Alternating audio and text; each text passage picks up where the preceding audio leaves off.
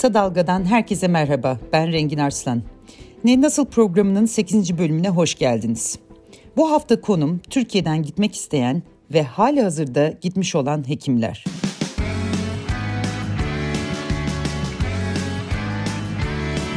Kulağınız bizde olsun. Kısa Dalga Podcast. Büyük bir hekim göçü yaşanıyor. Bunu sosyal medyadan, haberlerden siz de takip ediyorsunuz eminim. Fakat bu arada bu konuya değinmeden önce ben programı yayını hazırlarken sağlık çalışanlarının sendikaları ve Türk Tabipleri Birliği ortak bir açıklama yaparak 15 Aralık çarşamba günü bir günlük grev yapacaklarını duyurdu. Hekimsen üyesi doktorlar ise 14 ve 15 Aralık'ta yarım gün, 16 Aralık günü ise tam gün iş bırakma eylemi yapacak. Türkiye'den hekim göçünü ele almadan önce gelin o cephede neler olduğuna bir bakalım.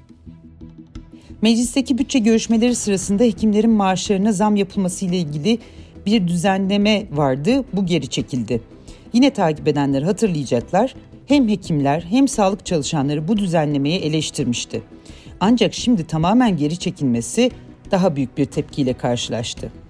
Böylece Türk Tabipleri Birliği, Sağlık ve Sosyal Hizmet Emekçileri Sendikası, Genel Sağlık ve Sosyal Hizmet Kolu Kamu Çalışanları Sendikası ve birinci basamak sağlık çalışanları Birlik ve Dayanışma Sendikası 15 Aralık'ta acil servisler dışında iş bırakma kararı aldı.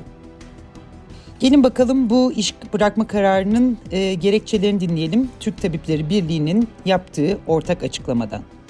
Sağlık emekçileri salgın döneminde canla başla çalışırken aynı zamanda işsizlikle, işten atılmalarla, yoksullukla karşı karşıya bırakılmıştır.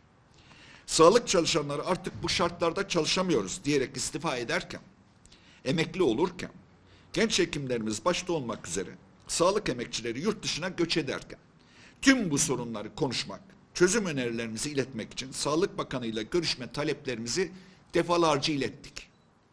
Sağlık Bakanlığı'nın hekimlerin, sağlık çalışanlarının çalışma koşullarını, sağlık ve yaşam sorunlarını, toplum sağlığını sağlık emek meslek örgütleriyle konuşmasından daha doğal ne olabilir? Bu görüşme taleplerini karşılamak Sağlık Bakanlığı'nın bizlere ve topluma karşı sorumluluğu değil midir?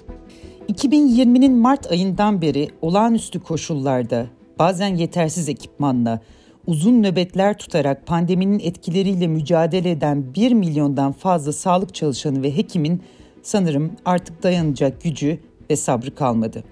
Ben sözü hem Türkiye'den ayrılan hem de ayrılmak isteyen hekimlere vereceğim. Ama gelin birkaç haberi birlikte hatırlayalım. Ankara Şehir Hastanesi Kadın Doğum Kliniği asistanı 25 yaşındaki doktor Rümeysa Berin Şen, nöbetten çıkıp evine dönerken kullandığı otomobille yol kenarında duran kamyona arkadan çarparak yaşamını yitirdi. Sosyal medyada yorgun doktorlar ölüyor ve 36 saat nöbet olmaz etiketleri gündem oldu.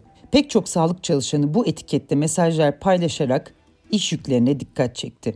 Bir başka haber. Sağlık Bakanı İstanbul'da doktor Esma Demir'in saldırıya uğramasından sonra bir açıklama yapmıştı.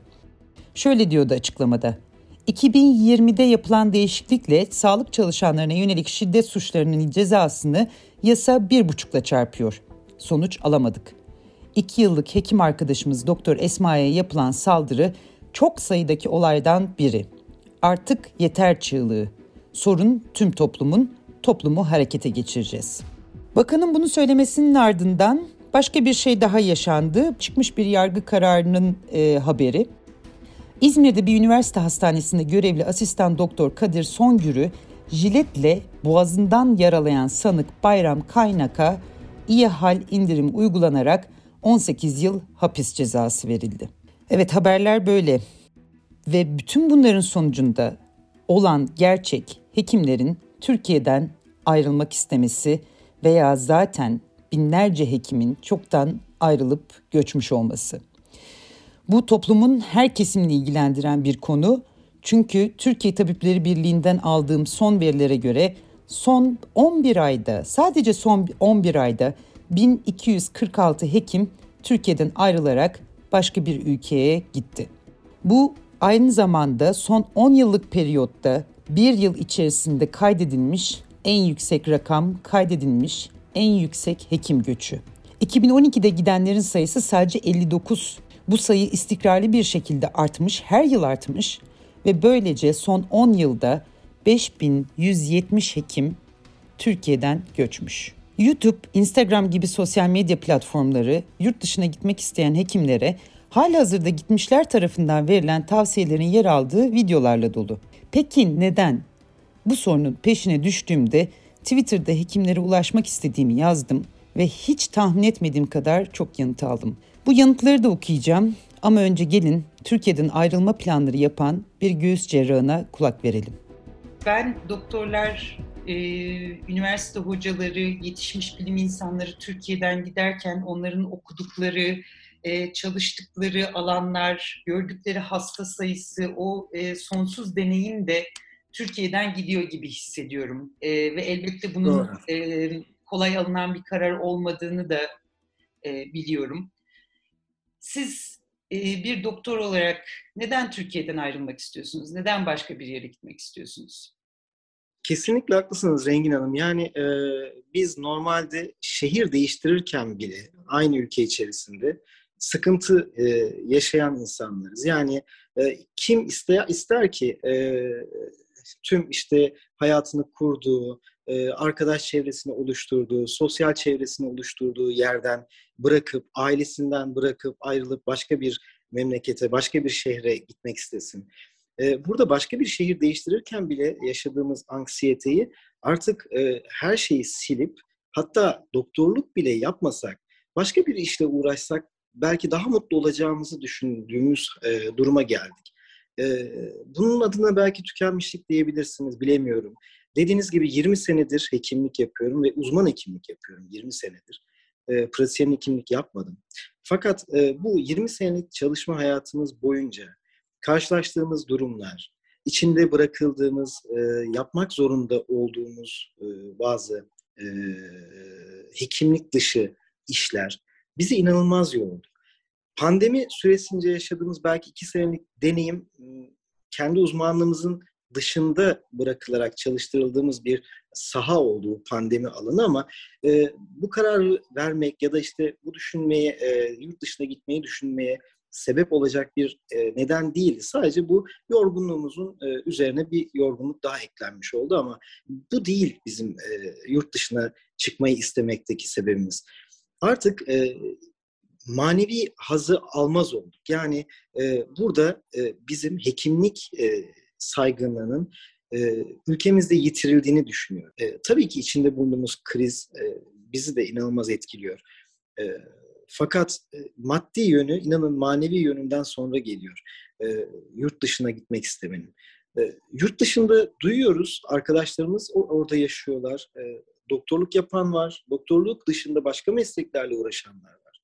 Onların kendilerine ayırdıkları vakit, çocuklarına ayırdıkları vakit, Ondan sonra e, yaşam koşulları, e, oradaki e, insanların birbirlerine gösterdikleri saygı, e, bütün bunlar imrenecek derecede dışarının e, bizim dışarıyı cazip hale getiriyor.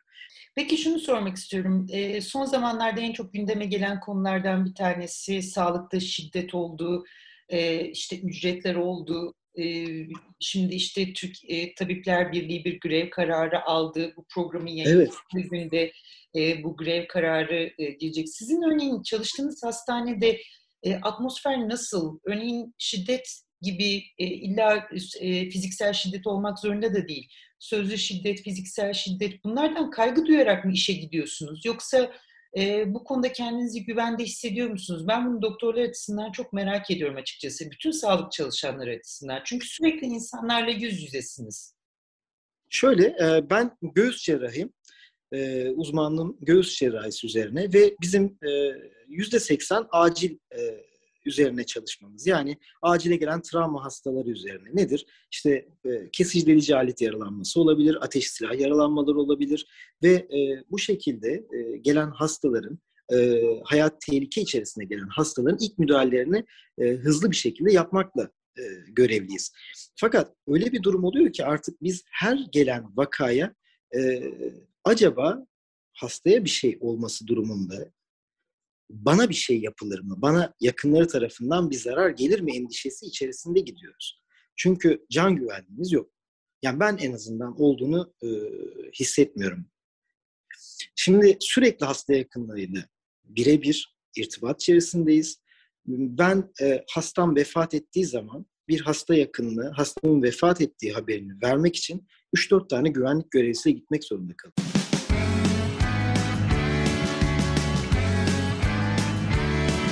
Kulağınız bizde olsun. Kısa Dalga Podcast. Şimdi gelin size Twitter'da direkt mesaj üzerinden bana ulaşan onlarca hekimden bazılarının yazdıklarını okuyayım. Bu bölüm belki biraz uzun olacak ama bence her bir hekimin söylediğini dinlemek gerçekten önemli. Sonuçta ihtiyacımız olduğunda bizi dinleyenler hekimler. Şimdi de bunca sıkıntı arasında bizim onlara kulak verme zamanımız geldi belki de. Evet mesajlardan bazıları şöyle.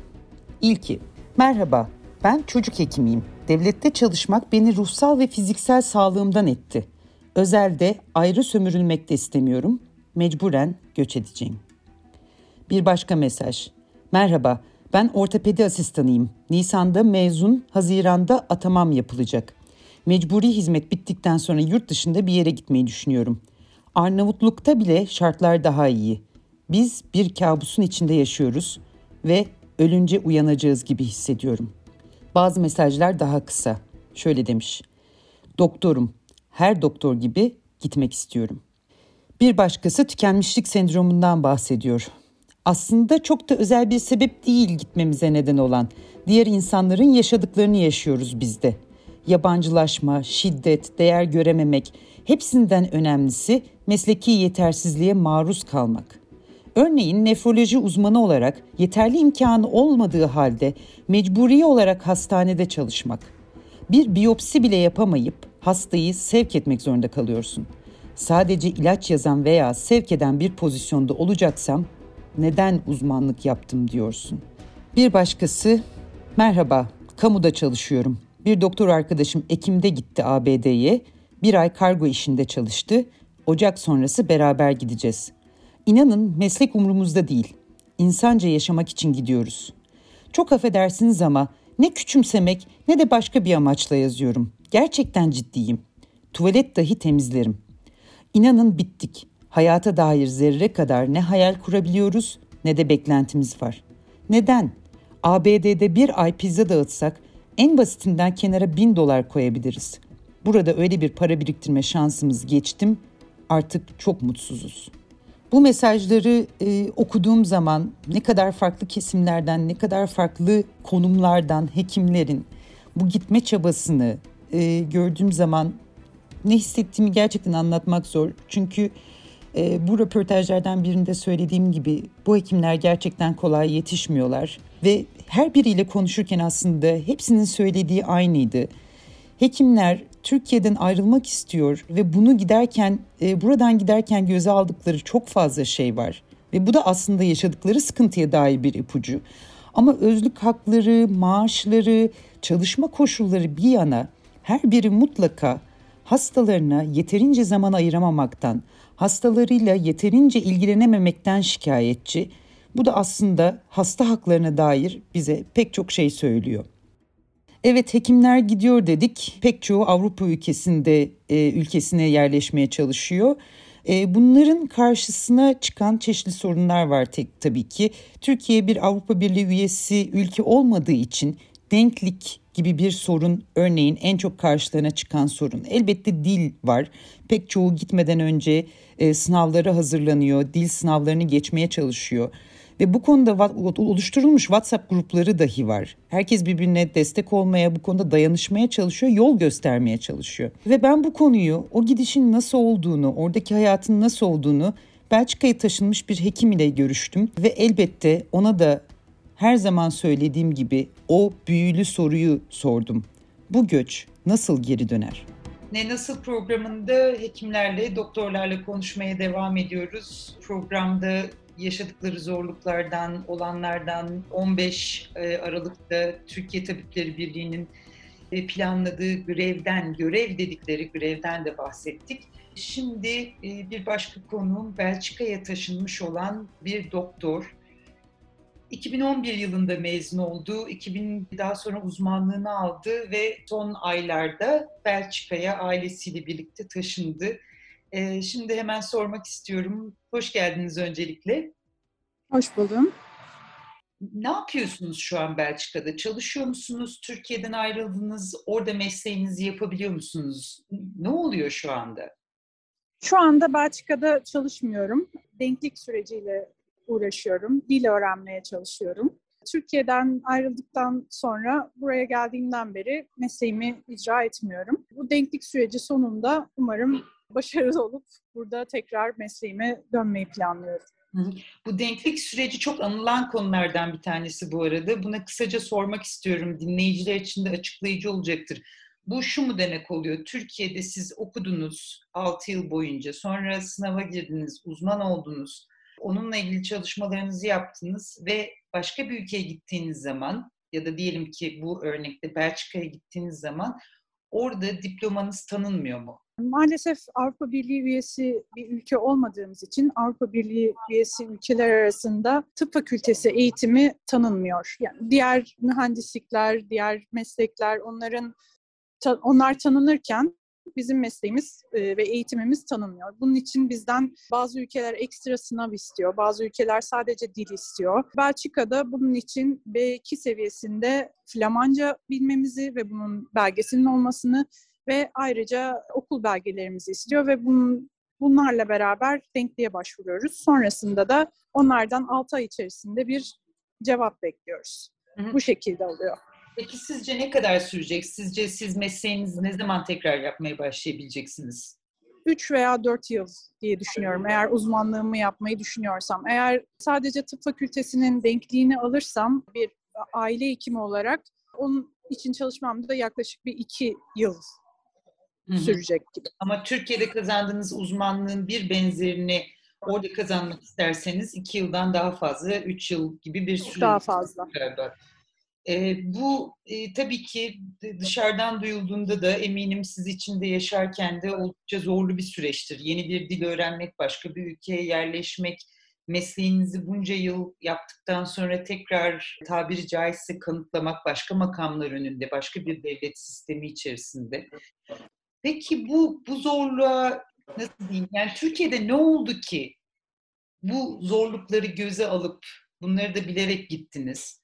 Türkiye'de ne oldu ki bu kadar e, yaşayacağınız e, süreci göze alarak oraya taşınmaya karar verdiniz? Hekim olarak, doktor olarak ne oldu? Gün geçtikçe fakirleşmemizle başlayabilirim. Emeğimizin karşılığını maalesef ülkemizde alamıyoruz. Ayrıca arkamızda duran bir bakanlığımız yok maalesef. Haklarımız savunulmuyor e, ve işe her gün mutsuz gitmeye başlıyoruz. Evet, e, hasta hakları çok önemli ama hekim hakları ve sağlık çalışanlarının hakları da aynı değerde önemli. Saldırıya uğruyoruz ama karşı taraf ceza almıyor. Her gün yeni bir haber okuyoruz. Mesela haklarımızı aramak için daha bugün okuduğum haberde doktor arkadaşlarım ülkemizde greve gitmeyi planlıyorlar.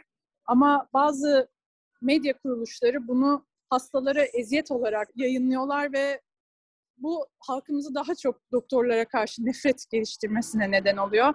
Ve bu ortamda gerçekten çalışmak beni mutlu etmiyordu. Her gün işime nefret ederek gitmeye başlamıştım. Çocuğumun geleceği için endişelenmeye başladım. Çünkü bizim okuduğumuz zamandaki devlet okulları maalesef yok ve iyi bir eğitim alması için artık özel okullara mahkum olduk gibi görünüyor. Özellikle büyük şehirlerde.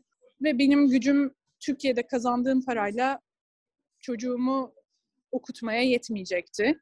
Önümüze de bir fırsat çıkınca buraya göçmeye karar verdik. Kolay mı göçmek? Bence kolay değil çünkü bir anda evinizi, yuvanızı, ailenizi, sevdiklerinizi bırakıp bambaşka bir ülkeye geliyorsunuz. Evet, belki bir uçakla 3-4 saatte varabileceğiniz bir yer ama yine de çok kolay değil maalesef. En zor geleni çalışıyorken, ekonomik olarak özgürken bir anda evde oturmaya mahkum olmak, mesleğinizi yapamamak. Ama dediğim gibi her gün haberleri okuduğumda ülkemle ilgili iyi ki diyorum. yani iyi ki gelmişim diyorum her sefer. E, bu kişisel bir soru olacak ama e, Biraz önce de konuştuk. Nasıl hallolur bu iş bu programın için? Bu program için çok önemli sorulardan bir tanesi. Adı buradan geliyor. Ne olduğunu anlatıyoruz ve nasıl çözülebileceğini düşünüyoruz. Onun üzerine biraz hayal kuralım da istiyorum ben. Konuları ele alırken. Ne olur da, nasıl olur da e, siz e, koşa koşa gideceğiniz bir hastane, bir iş yeriniz olur? Nasıl nasıl bir yer hayal edersiniz? Hastanenin, ortamın, bakanlığın nasıl bir yer olmasını istersiniz? Emeğimizin karşılığını alabildiğimiz, Türkiye'de alışmış olduğumuz e, köle gibi çalışma düzeninin yok olduğu, ya yeterli dinlenme haklarının verildiği bir düzen olması gerekiyor. Ayrıca herhangi bir siyasi görüşe mensup olmadığımız için mobbing yediğimiz veyahut da o siyasi görüşe yakın olduğumuz için yükseldiğimiz bir sistem olmaması gerekiyor. Akademisyenliğin bir anlamının olması gerekiyor. Şu anda belki biliyorsunuzdur doçentlik sistemi için herhangi bir sınav gerekmiyor. Sadece bir puan toplama yarışı var ve bu puanları toplamakta dergilere dergilerin başındaki editörlere ulaşıp yazının kabul ettirilip puanları toplayarak bir yerlere gelince akademisyen olunmuyor maalesef. Öğretmen, hoca olunamıyor ve hak etmeyen kişiler hak etmediği pozisyonlara geliyorlar. O yüzden Türkiye'de akademisyen olmanın da bir anlamı yok. Ona bir anlam getirilmesi gerekiyor. Gerçekten üniversite kadrolarının kişiye özel değil, çalışana, emek verene özel bir hale gelmesi gerekiyor ki ben bu ütopik şartlarda ülkeme dönmeyi düşünebileyim.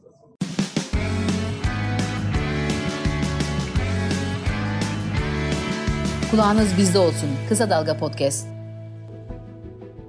Gidenlerin arasında uzun yıllar hekimlik yapanlar olduğu gibi üniversiteden mezun olur olmaz giden genç hekimler de var. Dilşah Cemre Akkoç Altınok onlardan sadece biri. Ona Almanya'ya neyin götürdüğünü sorduğumda verdiği yanıt aslında Türkiye'deki çözümün de bir yandan ne kadar basit, bir yandan ne kadar karmaşık olduğunu gösteriyor. Türkiye'de ne oldu da e, Türkiye şartlarında bir doktor, bir hekim olarak çalışmanın sizin için e, dezavantajlı olacağını, zor olacağını düşündünüz ve aslında e, baktığınız zaman göç, aile, sosyal hayat, yaşadığınız, büyüdüğünüz kentler, dil, onları e, geride bırakıp e, gitmeyi gerektiriyor ve bunu göze alarak gittiniz. Yani aslında bence karar kolay olmadı zaten. Hani ilk bayağı tereddüt, tereddüt ettiğim bir karardı da uzun zaman. Yani öyle kısa bir anda hani geliyorum Almanya'ya diye bir karar vermedim. Hani gerçekten iki sene, iki seneden fazla bir süreç aldı bu kararı verip gerçekten Almanya'ya yerleştiğim an ve hani ondan sonra size daha önce bahsettiğim gibi en az iki senede benim buraya adaptasyon sürecim sürdü. Türkiye'de ne beni mutlu etmedi? Sanırım ilk önce burada yaptığım stajlardan falan şey hani buradaki doktorluğun farklı olduğunu gördüm. Yani gerçekten başka bir düzen içinde. Hani hmm, kullan öğrendiğiniz öğrendiğimiz ilaçları gerçekten kullanabildiğimizi gördüm. Ya da imkan yani teknolojik imkanlarının fazla olduğunu gördüm. Yani eğer bir şekilde bir şey yapmak istiyorsak sadece hani yani sadece doktor olarak bir hastanede çalışmıyorduk. Mesela biyologlar da bizimle çalışıyorlar ya da mühendisler de bizimle çalışıyorlar. Bunun hani bayağı ekip işi olması beni çok mutlu etti. Çünkü Türkiye'de böyle değil. Türkiye'de gerçekten bir kaosun içinde hastaya tanı koymaya ve tedavi etmeye çalışıyorsun ama burada yani bana daha çok zevk verdiğini gördüm en azından buradaki stajlarımda. Hani cidden yaparken mesleki bir tatmin aldığımı hani bir şey istediğim zaman yapıldığı için de ayrıca beni mutlu ediyordu. Yani bir şeye ihtiyacımız var hastaya yapmak için. Ve hani tamam bunu imkanını sunabiliyoruz ya da bunun için labor hangi laboratuvara göndereceğini dert etmiyorsun. Bunun için hastanın bir para ödemesi gerekmiyor. Kimse bunun için bir kaygı duymuyor. Zaten bir şekilde sistemi var ve o sistemde her şey yürüyor ve senin tek yapman gereken hani o sisteme ayak uydurup götürmekti yani. Hani bir de gerçekten akademik olarak falan ileride bir liyakatsizlik sorunu yaşayacağımızı düşünüyorduk hani eşimle beraber. Eğer bir şey yapmak istersek e, arkamızda kimse yok yani bunun bilincindeyiz. Hani ne olacak, hani nereye kadar gelebiliriz ya da ne kadar bir şekilde bilimsel olarak ilerleyebiliriz sorularını kendimize sorduk. Hani ilerleyemeyeceğimiz açıktı yani. hani bu da çok oldu da şey oldu yani kim şey değil hani bir, bir yere de birinin desteğinin olmaması seni Türkiye'de çok fazla bir yere getirmiyor. Getirdiği zamanlar da var ama şey değil hani çoğunlukla getirmiyor diyelim.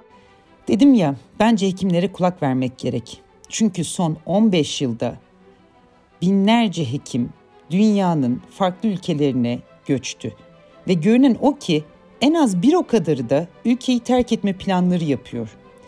Bence bu süreç en kısa zamanda bir şekilde Sağlık Bakanlığı'nın müdahalesiyle çözülmeli. Neden? Çünkü doktorların yokluğu aynı zamanda bir halk sağlığı sorunu. Ee, evet bu konuda belki söylenecek çok şey var, duyulacak da çok şey var. Ama bu konuyu şimdilik e, burada kapatıyoruz. Bu programa katılan, katkı sunan, bana mesaj gönderen e, herkese çok teşekkür ederim. Bütün hekimlere, bütün doktorlara, bütün tıp fakültesi öğrencilerine her birine yer veremedim ama emin olun sesiniz duyuldu. Ne Nasıl programına şimdi Kardeş Bayramlar bölümüyle devam edelim. Hatırlayacaksınız her bölümde hem Anadolu'da yaşayan kadim medeniyetlerin yılın her ayını nasıl bir bayramla donattığını hem de üzerinde yaşadığımız bereketli toprakların bereketini anımsamak için bir vesile olur diye Anadolu'da kutlanan bayramları hatırlatıyorum. Yine geçen programı dinleyenler hatırlayacaklar. 4 Aralık'ta Antakyalı Ortodokslar Azize Barbara Bayramı'nı kutladı. Bu bayramın hem adı hem kendi benzer bir hali de 16 Aralık'ta yine Antakya'da yaşayan Arap Aleviler tarafından kutlanıyor. Aradan geçen bu 12 günde Barbara'nın adı da Bırbara'ya dönüşmüş. Arap Alevilerin kutladığı Bırbara Bayramı her sene 16 Aralık'ta öğleden sonra başlayıp ertesi gün 17 Aralık'a kadar devam ediyor. Öğlene kadar Bırbara günü herkes birbirinden hububat ve baklagiller alıyor. Komşulardan toplanan 7 çeşit buğday, fasulye, nohut, mercimek gibi baklagil haşlanıp bırbara yemeği yapılıp 7 eve dağıtılıyor. Bunun bereket getireceğine inanılıyor. Ayrıca Bırbara Bayramı'ndan sonra günlerin fare hızıyla uzayacağına da inanılıyor.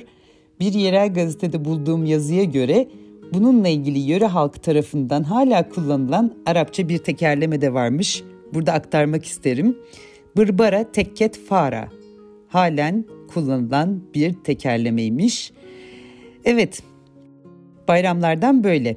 Şimdi programın sonuna geldik ama yine programın sabit bölümlerinden biri var sırada. Artık biliyorsunuz her bölümü okuduğum bir kitaptan o gün konuştuğumuz bir konu ile ilgili bir alıntıyla bitiriyorum. Bu bölümde göçten bolca konuştuk. Benim de elim kitaplıkta sevgili arkadaşım gazeteci Filiz Yavuz'un kitabına gitti. Adı Göçmek Ne Garip Şey Anne. Türkiye'den gidip dönenlerden biri olarak Filiz Yavuz iki tarafın dilinden, gözünden göçü ele almıştı bu kitapta ve bunu yaparken de o kendine has, muzip, nükteden dilinde bizden esirgememişti. Evet, şöyle diyor kitabında. Gidenlere ve kalanlara durun kavga etmeyin siz kardeşsiniz diye haykırmak ve göç mevzusunda tarafları gidenler ile kalanların değil, gidenler ve kalanlar ile her iki grubun yaşadığı mağduriyeti yaratanların oluşturduğunu vurgulamak elzem. Lakin mağduriyetin ortak noktasında buluşmak kimseye bir arpa boyu yol aldırmayacağından önemli olanın umut ortaklığı etmek ve sınırlardan bağımsız olarak her iki taraf arasında bağ kurabilmek olduğunu vurgulamak daha da elzem. İşin iyi tarafı ise her ne sebeple olursa olsun Türkiye'den gidenler ile Türkiye'de kalanlar arasında zayıf da olsa umuttan örülmüş böylesi bir bağın ve ağın varlığı olarak karşımıza çıkıyor.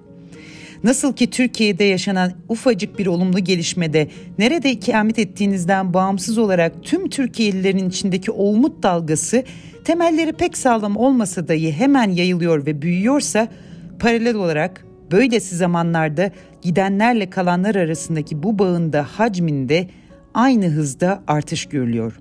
Ve fakat temeller sağlam olmadığından mütevellit insanı 75. kattan alıp yere çalan toplumsal hayal kırıklıkları aradaki bu bağın hacmini azaltmak ya da bu bağa zarar vermek konusunda maalesef oldukça mahir.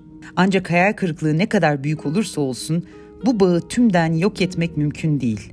O bağ baki kalıyor. Zira her şeyden önce gidenler ve kalanlar arasında bir aidiyet ortaklığı var. Gazeteci Ünsal Ünlü bu aidiyet ortaklığını burun sızısı olarak tanımlıyor. Kimimiz ayaklarımızı burada Türkiye'de yere basıyoruz, kimimiz farklı gerekçelerle binlerce kilometre ötesinde Ama Türkiye deyince aynı anda, aynı yerden burnumuzun direği sızıyor bizim diyor. Kısa Dalga'dan bu haftalık bu kadar. Haftaya 22 Aralık'ta çarşamba günü görüşmek üzere. Kısa Dalga podcastleri Demet Bilge Erkasab'ın editörlüğünde Mehmet Özgür Candan'ın post prodüksiyonu ve Esra Baydemir'in hazırladığı görseller ile yayınlanıyor. Kısa Dalga'ya destek vermek için Patreon sayfamızı ziyaret edebilirsiniz.